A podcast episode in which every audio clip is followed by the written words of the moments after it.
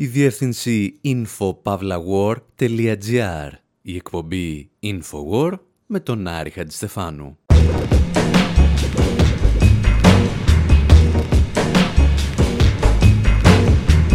όπου σήμερα αναζητούμε μία αντιγόνη σε μία χώρα που ζουν πολύ περισσότεροι κρέοντες. Αναρωτιόμαστε αν η κυβέρνηση της Τουρκίας έχει διαβάσει την αρχαία ελληνική τραγωδία του Σοφοκλή όταν έδωσε εντολή να μην ταφούν με κανονικές διαδικασίες οι πραξικοπηματίες στρατιωτικοί. Σκεφτόμαστε εάν έχουν δίκιο όσοι συγκρίνουν τον πρόεδρο της Τουρκίας με τον Κρέοντα και αν θα έπρεπε να διαβάζουν την Αντιγόνη του Σοφοκλή ή την Αντιγόνη του Μπέρτολ Μπρέχτ. Ύστερα, μιας και πιάσαμε το αρχαίο ελληνικό θέατρο, επιστρέφουμε στους όρνηθες για να διηγηθούμε ιστορίες προδοσίας.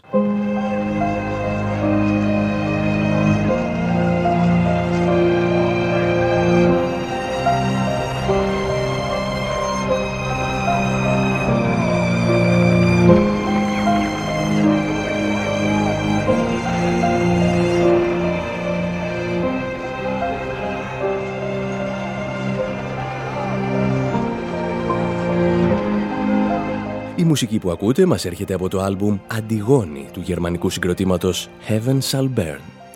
Δανειζόμενοι στοιχεία από τον Σοφοκλή περιγράφουν τη ζωή μιας νεαρής κοπέλας η οποία αποφασίζει να κάνει αυτό που η ίδια θεωρεί σωστό γνωρίζοντας ότι θα έρθει σε σύγκρουση με τον νόμο. Και στην πορεία το συγκρότημα μας θυμίζει ακόμη τις ιστορίες του Νέλσον Μαντέλα και του Βίκτορ Χάρα, τραγουδιστή που εκτελέστηκε από τη Χούντα του Πινοσέτ. Και αν αναρωτιέστε γιατί δεν ακούμε συχνότερα ένα τόσο πολιτικοποιημένο συγκρότημα, η απάντηση είναι αυτό που ακούτε τόση ώρα είναι απλώς το intro, γιατί το υπόλοιπο άλμπουμ πηγαίνει κάπως έτσι.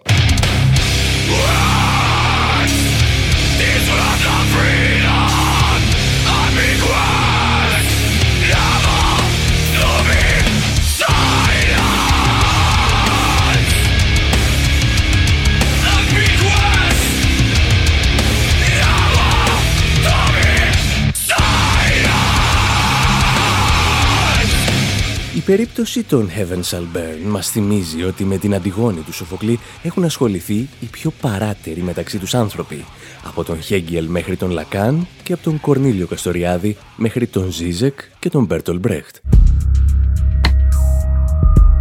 Η ιστορία, όπως την διηγήθηκε ο Σοφοκλής, είναι λίγο πολύ γνωστή. Ο Ετεοκλής και ο Πολυνίκης, δύο από τα τέσσερα παιδιά του Οιδίποδα, έχουν συμφωνήσει να κυβερνούν εναλλάξ τη Θήβα.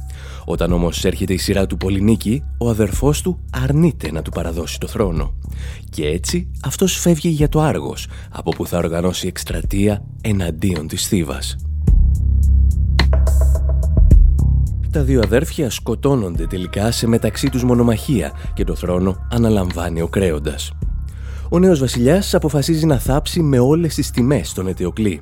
Για τον Πολυνίκη όμως έχει διαφορετική γνώμη.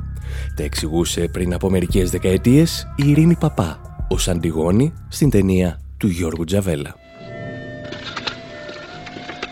Ο Κρέον τιμάει με ταφή τον έναν από τους δυο μας αδερφούς και τον άλλον τον ατιμάζει. Για τον Ετεοκλή σωστά λένε πως πρόσταξαν να τον θάψουν μόλις τις νεκρικές τιμές. Για το κουφάρι το αξιολύπητο του Πολυνίκη είπαν πως διαλάλησες σε όλο τον κόσμο να μην το σκεπάσουν με χώμα. Ούτε να το μυρολογήσουν. Να τα αφήσουν άταφο και άκλαυτο. Να το χαρούν τα όρνια που τριγυρίζουν για ψοφίμη. Και όποιος τολμήσει να παρακούσει την προσταγή του θα θανατωθεί με δημόσιο λιθοβολισμό. Η Ισμήνη πάλι όταν μαθαίνει ότι η αδερφή της σκοπεύει να θάψει τον Πολυνίκη σε πείσμα των εντολών του βασιλιά, φρύτη. Και από αυτή τη στοιχομηθεία θα προκύψουν δύο διαχρονικά πρότυπα. Της Αντιγόνης που τολμά να τα βάλει με την εξουσία του κράτους και των ισχυρών και της Ισμήνης που υποτάσσεται σε αυτή. Εδώ με τη φωνή της Μάρος Κοντού. Αλλή μονό μας. Τώρα που απομείναμε μόνο οι δυο μας, σκέψου τι τέλος κακό θα βρούμε να ψηφίσουμε την προσταγή και την εξουσία του βασιλιά. Πρέπει να νιώσεις πως γεννηθήκαμε γυναίκες και δεν μπορούμε να τα βάζουμε με άντρες. Ο βασιλιάς είναι πιο δυνατός από μας. Και σκύψουμε το κεφάλι και σε αυτά και σε χειρότερα. Εμένα, ας με συγχωρέσουν οι νεκροί να αναγκάζουμε να υποταχτώ στη βία. Μα δεν θα παρακούσω αυτούς που μας εξουσιάζουν. Είναι ανόητο να κάνεις πράγματα που ξεπερνούν τη δύναμή σου. Η Αντιγόνη λοιπόν τα βάζει με τους άδικους νόμους του κράτους, τιμώντας τους νόμους των θεών. Το οποίο ως κίνηση μπορεί να μην είναι τόσο επαναστατικό όσο η μάχη του Προμηθέα με τους θεούς, αλλά είναι μια καλή αρχή. Στη δική μας ιστορία όμως σημασία δεν έχει η Αντιγόνη αλλά ο Κρέοντας, τον οποίο συναντάμε και αυτόν εκεί που δεν τον περιμένουμε.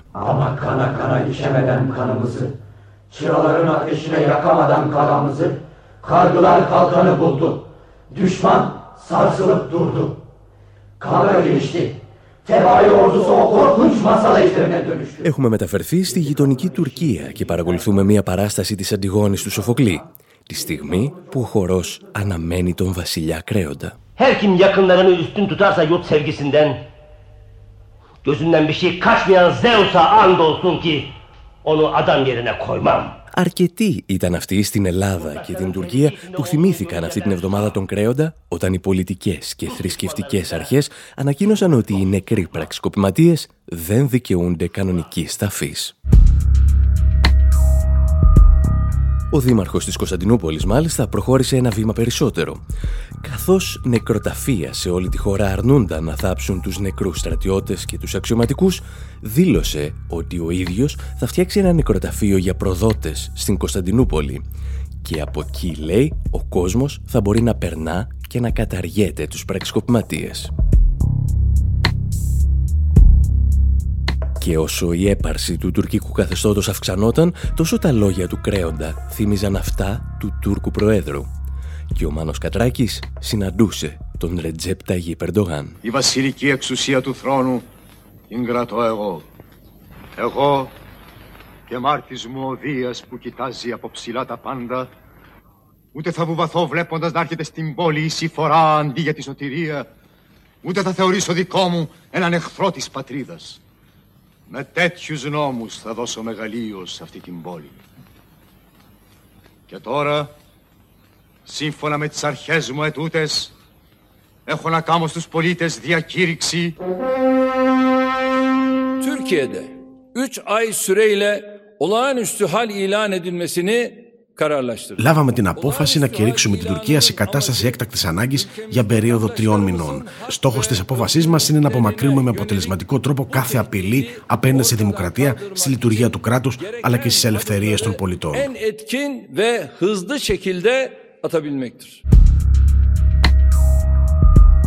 Η κατάσταση έκτακτης ανάγκης και η αυτοκρατορική έπαρση που εκφράστηκε με την υπόθεση της ταφής των πραξικοπηματιών δεν ήταν η μόνη σχέση του Ερντογάν με τον Κρέοντα.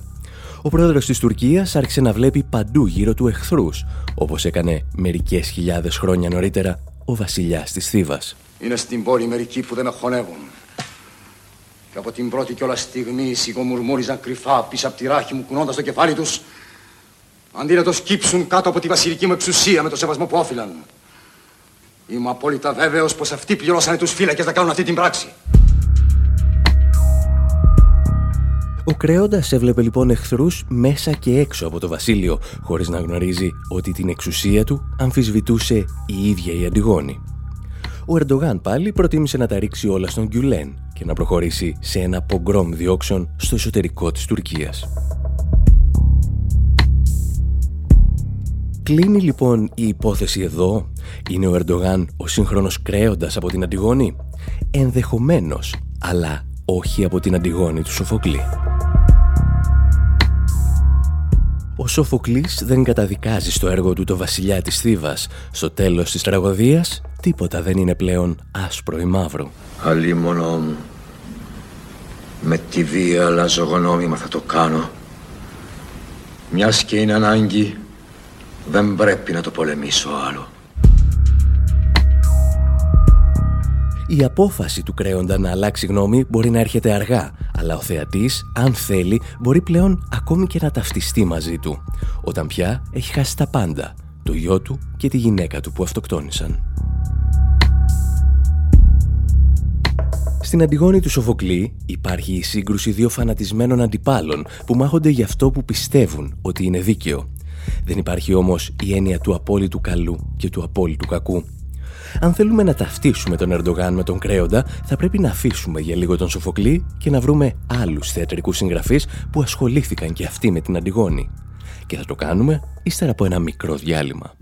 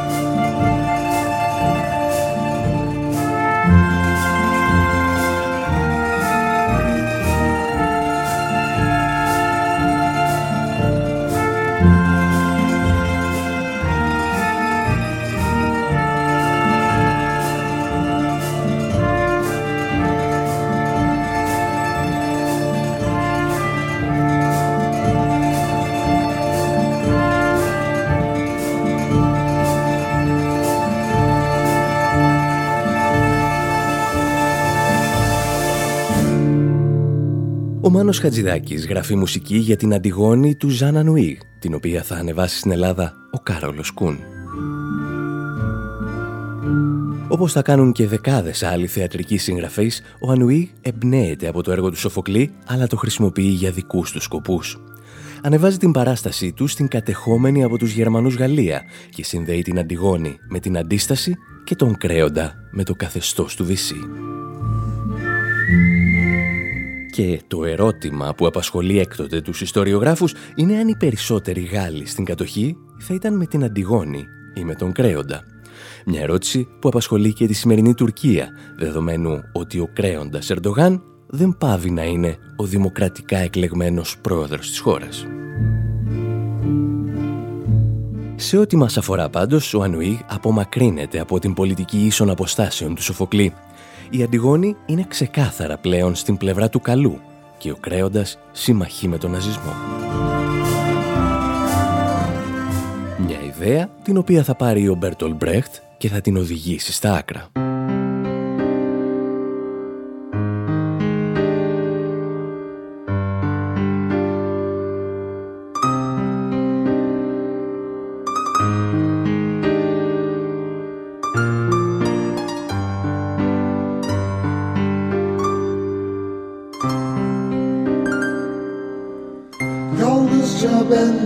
Kaçma sen yeter.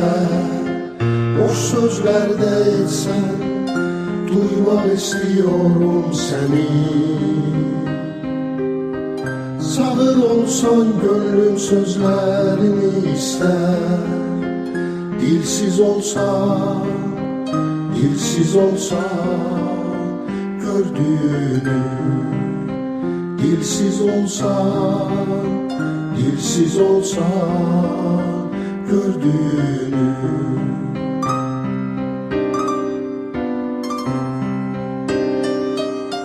Kör olsan seni görmeyi istedim ben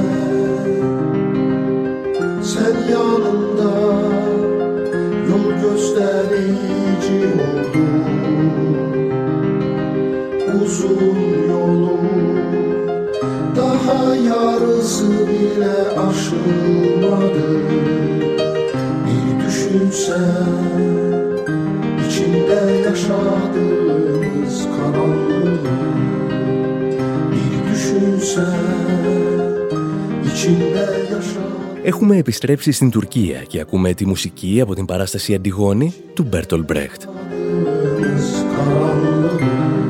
Εδώ η ιστορία αλλάζει σημαντικά. Ο Ετεοκλής και ο Πολυνίκης δεν μάχονται ο ένας τον άλλο, αλλά είναι και οι δύο στρατιώτες του Κρέοντα στον πόλεμο εναντίον του Άργους. Ο βασιλιάς της Θήβας είναι πλέον ο ίδιος ο Χίτλερ και ο Πολυνίκης θέλει απλώς να αυτομολύσει από τον ναζιστικό στρατό.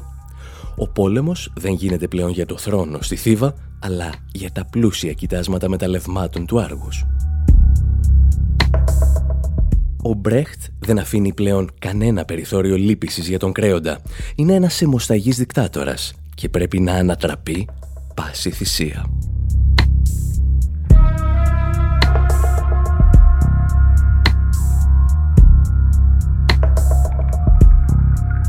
Ποιος είναι λοιπόν ο Ερντογάν στη δική μας ιστορία, ο κρέοντας του Σοφοκλή ή ο κρέοντας του Μπρέχτ, ένας ηγέτης που μάχονταν για το δίκαιο όπως ο ίδιος το καταλάβαινε ή ο απόλυτος εχθρός της ανθρωπότητας; Η δική μας απάντηση στο δικό μας ερώτημα είναι κανένας από τους δύο. Ο Ερντογάν είναι ο κρέοντας από μια άλλη εκδοχή της Αντιγόνης, αυτή του Ιρλανδού νομπελίστα ποιητή και συγγραφέα Σέιμους Σχήνη. We have two brothers, both of them dead, and Creon has decreed that a decent burial should be given to one and not to the other. Eteocles apparently has already been buried with full military honors.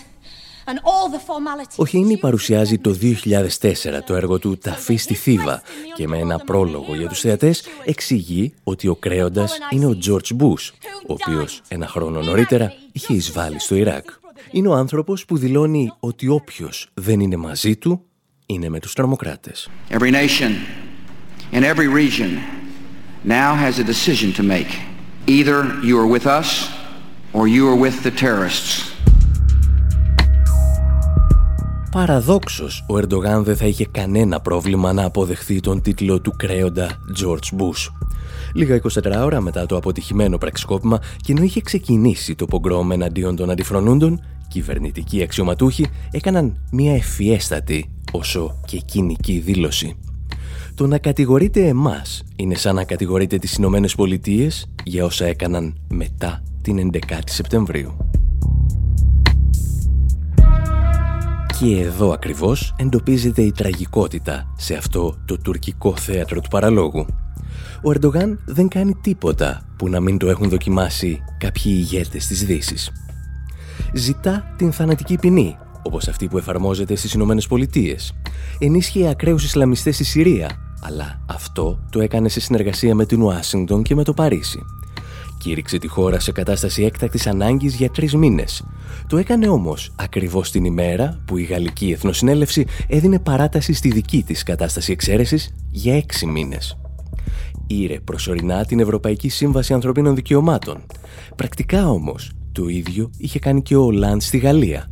Απλώς δεν το είπε ποτέ δημοσίως. Ο Ερντογάν απλώς επαναλαμβάνει στον υπερθετικό βαθμό όσα έμαθε από τη Δύση. Μπορείς να τον κατηγορήσεις για αλαζονία και βαθιά αντιδημοκρατική συμπεριφορά, αλλά δεν μπορείς να τον κατηγορήσεις για πρωτοτυπία. Είναι ο πιο δυτικός ηγέτης που γνώρισε η Τουρκία μετά τον Κεμάλα Τουρκ. Εσείς πάλι μένετε εδώ και εμείς συνεχίζουμε με ιστορίες αρχαίου θεάτρου και στο δεύτερο μέρος της εκπομπής. Και αυτή, να σας πούμε, είναι η τελευταία εκπομπή για τη φετινή ραδιοφωνική σεζόν. Θα μας ακούσετε τις επόμενες λίγες εβδομάδες σε επαναλήψεις και επιστρέφουμε δερημύτεροι στα τέλη Αυγούστου. Μέχρι τότε μας βρίσκεται πάντα στη διεύθυνση info.pavlawar.gr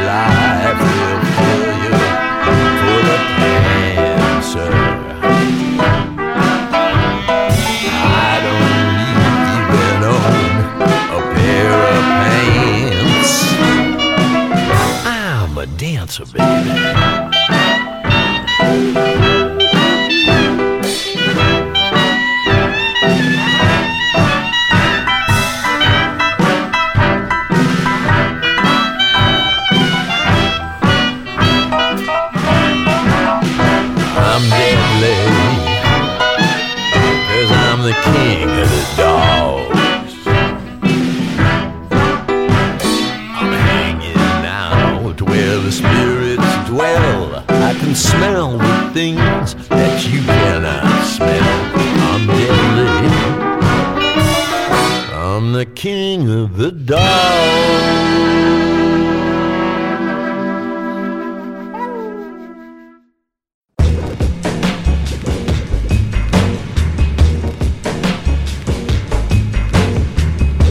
Όπου σήμερα ακούμε τραγούδια νέα αλλά και παραδοσιακά, δηλαδή της παράδοσης, της ολοκληρωτικής παράδοσης. Συζητάμε για ανθρώπους που ύστερα από χρόνια βρέθηκαν μαζί και πίστεψαν ότι μπορούν να γίνουν κυρίαρχοι της μοίρας τους. Προδόθηκαν όμως από αυτούς ακριβώς τους ανθρώπους που τους είχαν υποσχεθεί ένα καλύτερο μέλλον. Τους βλέπουμε να μην τα βάζουν κάτω και να κονταροχτυπιούνται με τους θεούς και να τους κερδίζουν. Τους βλέπουμε να δημιουργούν μόνοι τους ένα κυρίαρχο κράτος. Συζητάμε δηλαδή για τους όρνηθες του Αριστοφάνη, το 80 χρόνια από τη στιγμή που ο Κάρολος Κούν επιχείρησε να ανεβάσει μια παράσταση που άλλαξε για πάντα την ιστορία του παγκόσμιου θεάτρου.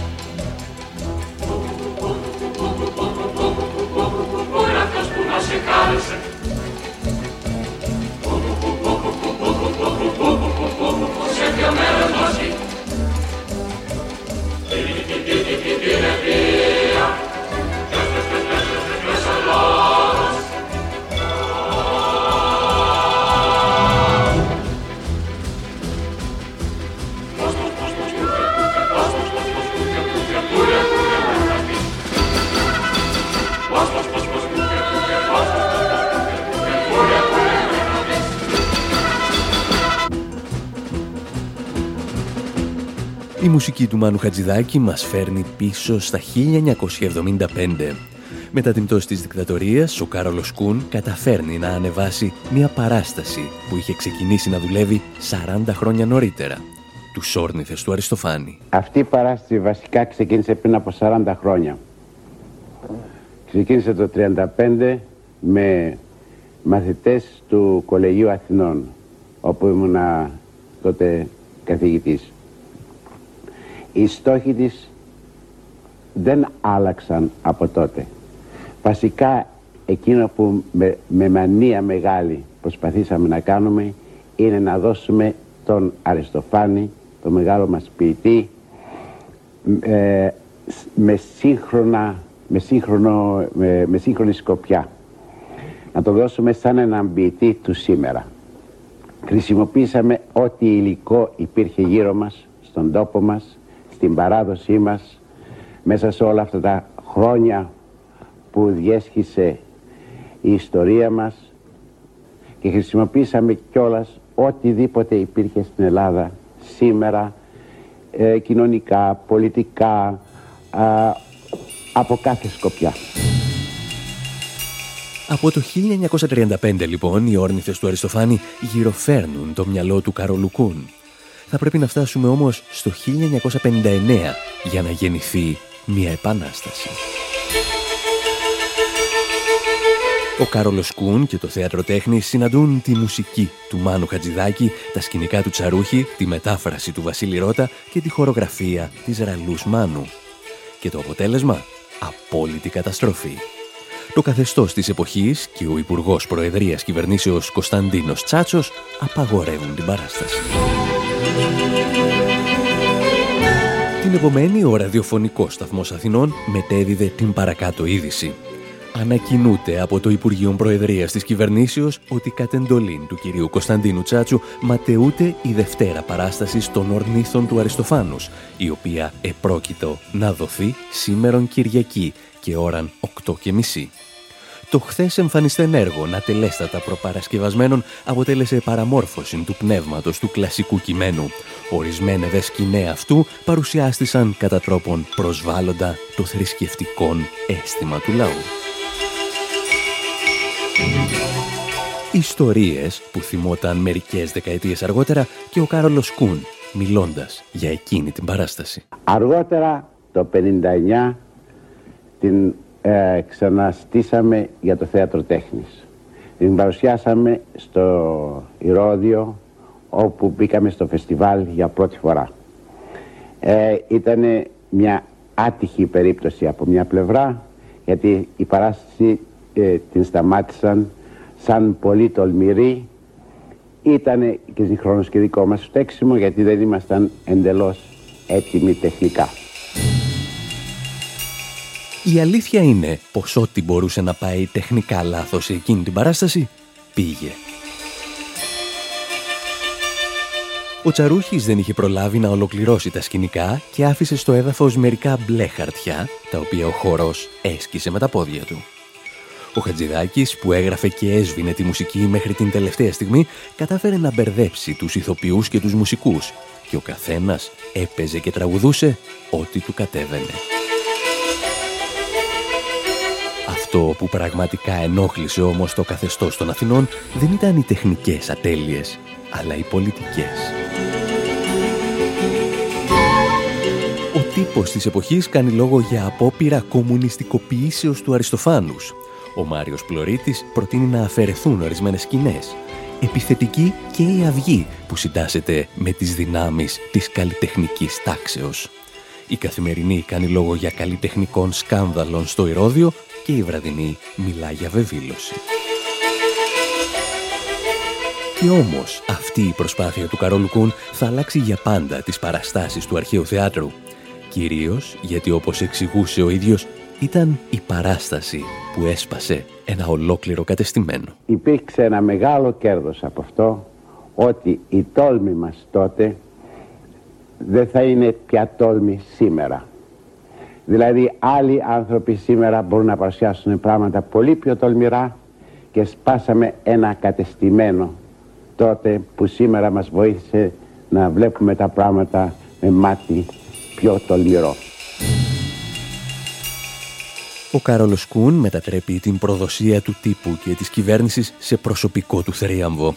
Στην τελική της μορφή η παράσταση βραβεύεται στο Παρίσι και συγκεντρώνει διθυραμβικά σχόλια σε ολόκληρη την Ευρώπη. Μήπως όμως αυτό το σπάσιμο κάθε κανόνα δεν ήταν και το πραγματικό μέλημα του Αριστοφάνη σε όλα του τα έργα; Και κυρίως τους όρνηθες όπου οι ήρωές του τα βάζουν με τους θεούς για να φέρουν την κυριαρχία σε ένα μικρό κράτος. Λεπτομέρειες επί του θέματος εντός ολίγου. Bird of prey, bird of prey, flying high, flying high, bird of prey, bird of prey, in the summer skies, flying high, flying high.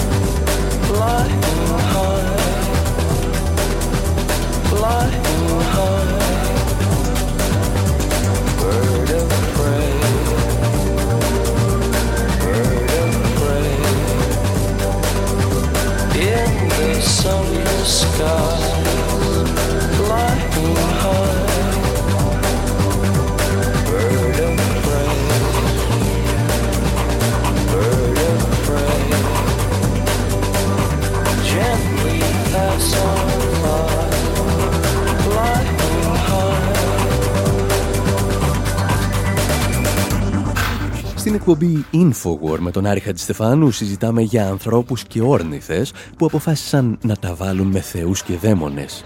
Στην πορεία προδόθηκαν, αλλά δεν παραδόθηκαν και τελικά τα κατάφεραν. Το πρόβλημα με τους όρνηθες, εξηγούσε πριν από χρόνια ο Βρετανός ακαδημαϊκός Douglas McDowell, είναι ότι ο καθένας βλέπει μία αλληγορία πίσω από την υπόθεση, η οποία πιθανότατα δεν είχε καμία σχέση με τις προθέσεις του Αριστοφάνη. Και αφού το κάνουν όλοι, σκεφτήκαμε να δοκιμάσουμε να το κάνουμε κι εμείς. Στην παράσταση, αν θυμάστε, ο Πισθέτερος, που σημαίνει έμπιστος φίλος, και ο Ευελπίδης, αυτός που φέρνει την ελπίδα, εγκαταλείπουν αειδιασμένοι την Αθήνα. Αποφασίζουν να δημιουργήσουν την ιδανική πόλη των πτηνών. Καλούν λοιπόν τους όρνηθες να τους εξηγήσουν τα φιλόδοξα σχέδιά τους και αυτοί ανταποκρίνονται με ενθουσιασμό, ας πούμε σε ποσοστό 61,3%. Πολύ σύντομα όμως θα διαπιστώσουν ότι προδόθηκαν και πιστεύουν ότι ο πισθέτερος δεν είναι και τόσο έμπιστος και ο Ευελπίδης δεν έφερε την ελπίδα που υποσχέθηκε.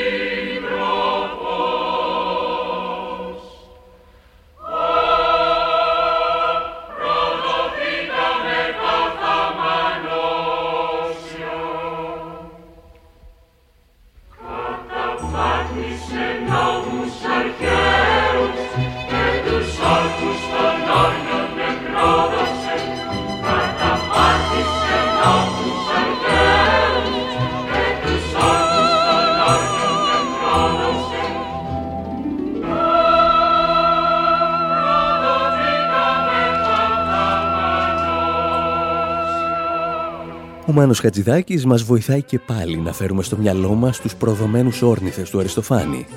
Αρκεί να δώσουμε λίγη προσοχή στους στίχους. Κάποιος που εμφανιζόταν λέει σαν σύντροφος μας κρέμασε. Καταπάτησε νόμους αρχαίους και τους όρκους των όρνιων επρόδωσε. Με δόλο εδώ μας κάλεσε κοντά σε γένος άνομο που πάντα εχθρός μας στάθηκε. Το να σε καλέσουν να δαμάσεις τη μοίρα σου και τελικά να σε παραδώσουν στους διώκτες σου δεν είναι σίγουρα πολύ συντροφικό. Μερικές φορές όμως η ιστορία έχει το δικό της τρόπο να εξελίσσεται. Από το κάλεσμα αυτό θα προκύψει μια εξαιρετική ιδέα. Οι όρνηθες θα φτιάξουν το δικό τους ανεξάρτητο κράτος ανάμεσα στους ανθρώπους και τους θεούς. Και το όνομα αυτού νεφελοκοκυγία, που σημαίνει η κατοικία των κούκων στα σύννεφα, στα αγγλικά Cloud Cuckoo Land, όπως δηλαδή και το πρώτο άλμπουμ των Lighting Seeds. Ακούμε ένα δείγμα του και επιστρέφουμε αμέσως στη δική μας νεφελοκοκυγία.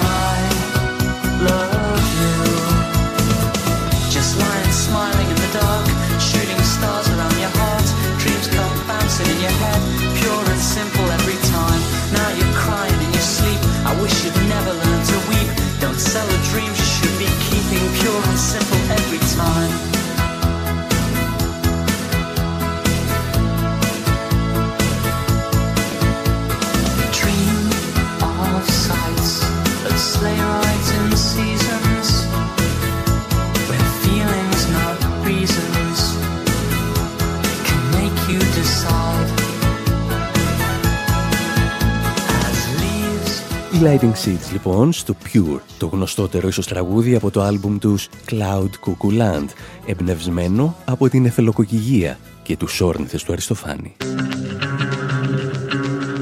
Η νεφελοκοκυγία είναι αλήθεια ότι έχει απασχολήσει και πολύ σημαντικότερες προσωπικότητες από τους Lighting Seeds.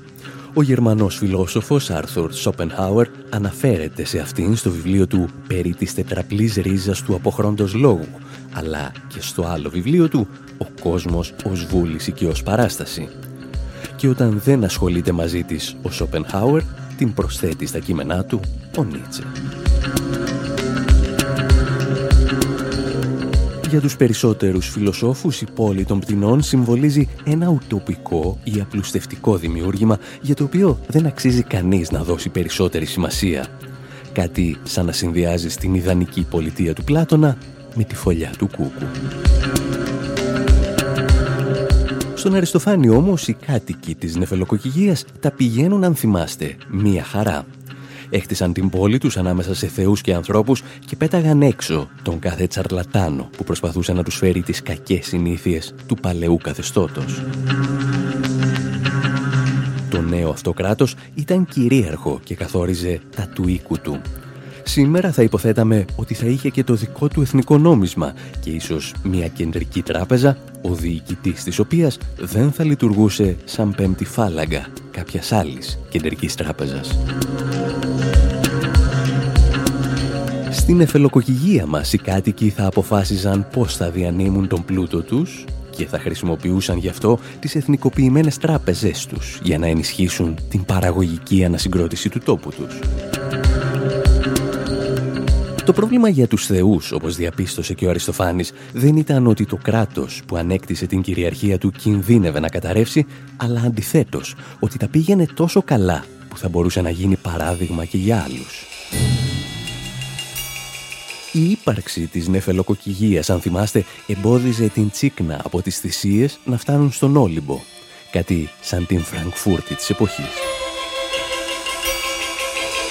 Στην αρχή, οι θεοί απείλησαν τους κατοίκους της νεφελοκοκυγίας ότι θα τους καταστρέψουν. Δοκίμασαν να στείλουν τον Ποσειδώνα και τον Ηρακλή, εν είδη task force, για να τους συνετίσει. Σήμερα απλώς θα διέκοπταν την παροχή ρευστότητας για να δημιουργήσουν τραπεζικό πανικό και να οδηγήσουν τη χώρα σε κατάρρευση. Επειδή όμως, όπως είπαμε, το νεαρό κράτος ήταν κυρίαρχο, τα πράγματα δεν ήταν τόσο εύκολα για τους θεούς. Αφού διαπίστωσε ότι δεν υπάρχει τίποτα άλλο να κάνει, ο Δίας αναγκάστηκε να στείλει στην εφελοκοκυγία την αγαπημένη του θεά Βασιλεία, τη θεά που συμβόλιζε την κυριαρχία. Στην αγγλική μετάφραση του κειμένου τη συναντάμε ως Sovereign.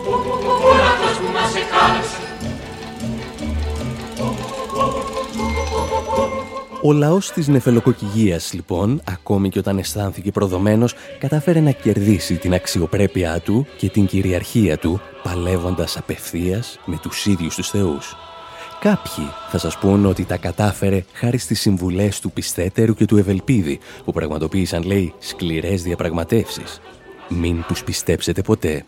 Ο λαός της νεφελοκοκυγίας θα τα κατάφερνε όποιος και αν ήταν ο ηγέτης του. Ακόμη και αν ο καλός, πλην αφελής Ευελπίδης, τους είχε παραδώσει σιδηροδέσμιους στους δεσμότες τους.